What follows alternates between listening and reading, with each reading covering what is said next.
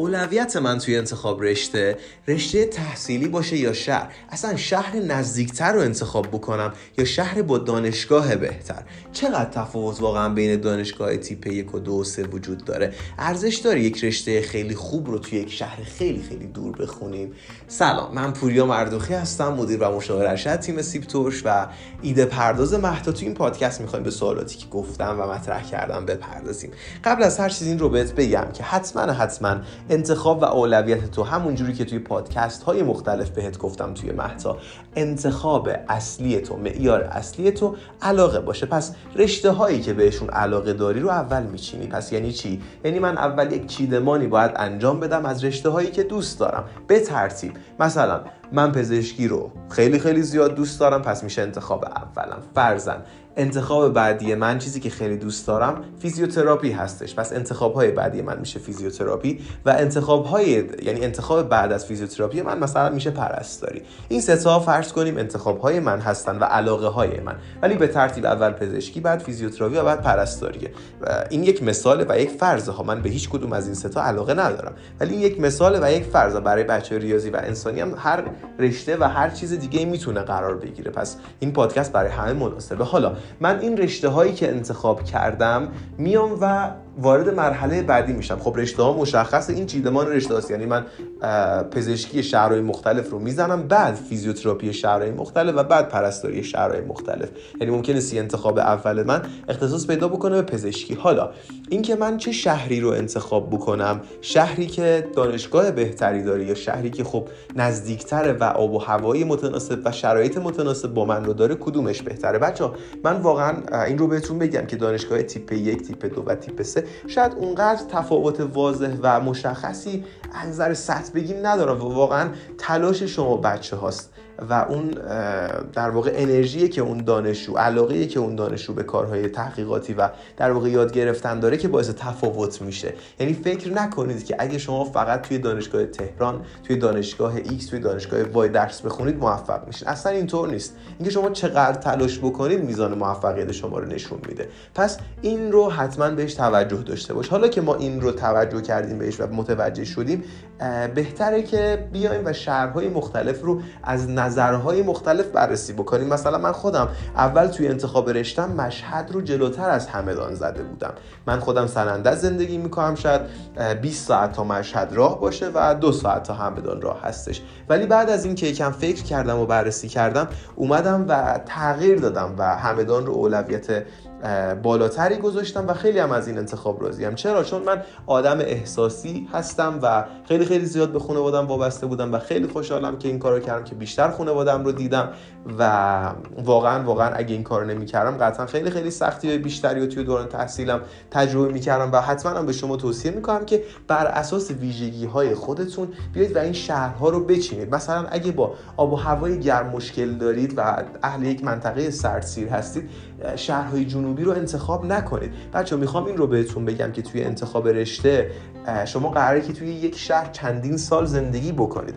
بچه های مهندسی چهار سال بچه که لیسانس و کارشناسی هستن چهار سال و بچه که دکترا هستن دکترای پیوسته هستن. 6 سال قراره که توی اون 6 7 سال توی اون شهر قرار زندگی بکنید. پس شهری رو انتخاب نکنید که زندگی توش آزاردهنده باشه براتون. چه از نظر هوایی چه از نظر مسافتی چه از نظر ویژگی های دیگه که حالا مد نظر هر کس متفاوت هستش. پس این نکته رو حتما بهش توجه داشته باشین. شما شاید بتونید توی یک دانشگاه تیپ 3 خیلی سطح ضعیف یک فردی بشید که خیلی خیلی نخبه شده و خیلی خیلی در واقع درجه یک شده توی رشته خودش. ولی اگه 6 7 سال همش زج بکشید 6 7 سال از عمر و جوانیتون رو در واقع با حال بد سپری کردیم پس من نظر شخص خودم هستش و چیزی که تجربه کردم و خیلی خیلی زیاد هم از تجربه‌ای که به درستی انتخاب کردم راضیم اینه که بعد از اینکه علاقه ها رو چیدیم بیایم و اونقدر فکر نکنیم که خب مهم نیست من آقا میرم یه شهری سی ساعت دورتر اونورتر.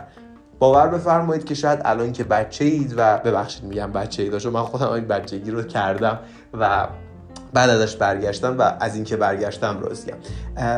و شاید مثلا درک نمی‌کنین که این دور بودن چه بدی هایی داره چه سختی هایی داره چه چالش هایی داره چه هزینه های بیشتری داره باز هم براتون.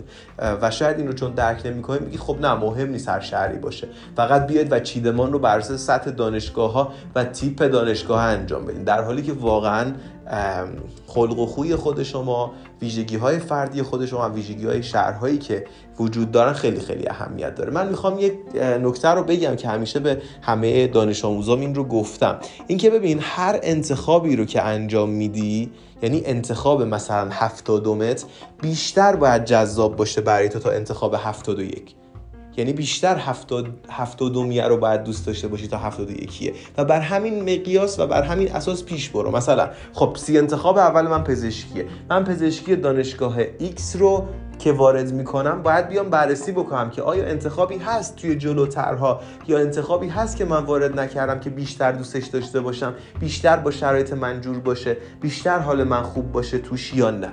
اگه جواب نبود که خب این انتخاب سر جای خودش میمونه. اگه دیدم که چیزی بهتر از اون و جذابتر از اون وجود داره شهری بهتر دانشگاهی بهتر با تجربه شرایط وجود داره اون رو انتخاب می‌کنم. پس این قانون توی انتخاب رشته بدون که هر چیزی رو که وارد می‌کنی ممکنه قبول بشی.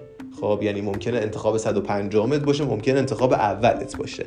پس هر چیزی رو که وارد می‌کنی بدون که ممکنه قبول بشی و چیزی که دوست نداری چیزی که نمی‌خوای اصلا وارد نکن و حتما حتما چیزی که بیشتر دوست داری رو اولویت قرار بده و اینها رو دونه دونه بررسی کن. یعنی همیشه بیا بخون از اول. آیا من انتخاب اولم که مثلا پزشکی دانشگاه ایکس برترینه توی انتخاب های جلوتر چیزی بهتر از اون وجود نداره؟ اگه جواب خیر بود که خب جای اون درسته.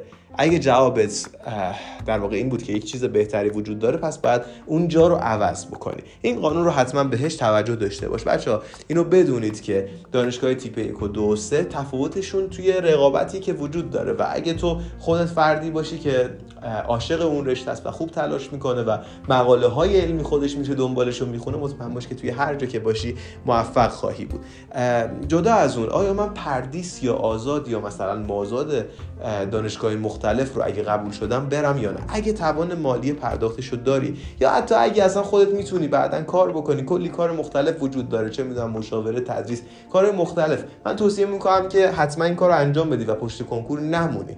و این داستان رو حتما حتما خانواده ها اگه از پسش برمیان اگه در واقع خیلی اذیت نمیشن توصیه می‌کنم که هوای بچه هاشون رو داشته باشن و اگه می‌دونی همچین چیزی واقعا شرایطش وجود داره توی خانواده حتما مطرح کن باهاشون و جوگیر نشو بگو من می‌خوام رو پای خودم باشم و من نمی‌خوام هیچ هزینه ای برام انجام بشه یا اینکه من حتما می‌خوام دولتی قبول بشم. هیچ تفاوتی بین دولتی و آزاد و پردیس وجود نداره از نظر ارزش مدرکی. پس علکی زمان خودو طرف نکن پشت کنکور نمون اگه قبول میشی با حالا هزینه که پرداخت میشه. ولی خب اگه می‌دونی واقعا خیلی خیلی زیاد به خانوادت فشار میاد و توانش وجود نداره و شرایطش نیست که هیچی. دیگه داستان جداست و دیگه حالا اولویت های بعدیت رو ملا قرار بده. ولی بدون که هیچ تفاوتی نداره. آقا ارزش داره یه رشته خوب رو توی یه شهر خیلی خیلی دور بخونیم؟ حقیقتا من مثلا بعضی از بچه ها رو می‌بینم فرزن از مثلا شمال غرب می‌خوان برن توی جنوب شرق مثلا یک رشته ای رو بخونن.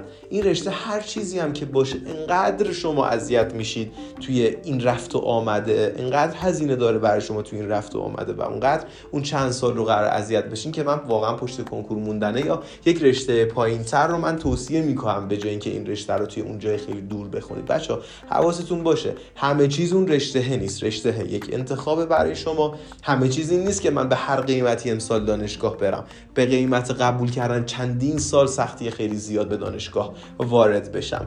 ولی خب باز هم بهتون میگم که اولویت پس اول علاقه به اون رشته. بعد از اینکه علاقه به اون رشته و ما رشته انجام شد بیام و اون شهرهای مختلفی که وجود دارن رو از نظر ویژگی های شخصیتی و شخصی خودم و در واقع سطح دانشگاه بررسی بکنم و یک چیدمانی رو انجام بدم که میگم هر انتخاب من جذابتر از انتخاب بعدی باشه. و هر چیزی رو که انتخاب می‌کنم اول تصور بکنم خودم رو که جواب انتخاب رشته که اومده این رو قبول شدم. آیا این رو واقعا میرم؟ آیا این رو واقعا بیشتر از انتخاب های بعدی دوست دارم یا نه؟ این میشه بهترین سبک انتخاب رشته. حالا یه حالت خاصی وجود داره که یک نفر دانشگاه رفتن رو و یا اصلا توی اون رشته تحصیل کردن رو صرفا یک پل می‌دونه صرفا یک پل می‌بینه برای رفتن دنبال علاقش. مثلا یک نفر پزشکی رو حالا زیاد خوشش نمیاد رشته کلا تجربی رو زیاد خوشش نمیاد ولی حالا قبول شده و می‌خواد وارد دانشگاه بشه. ولی علاقه هستش مثلا موسیقیه یا بازیگریه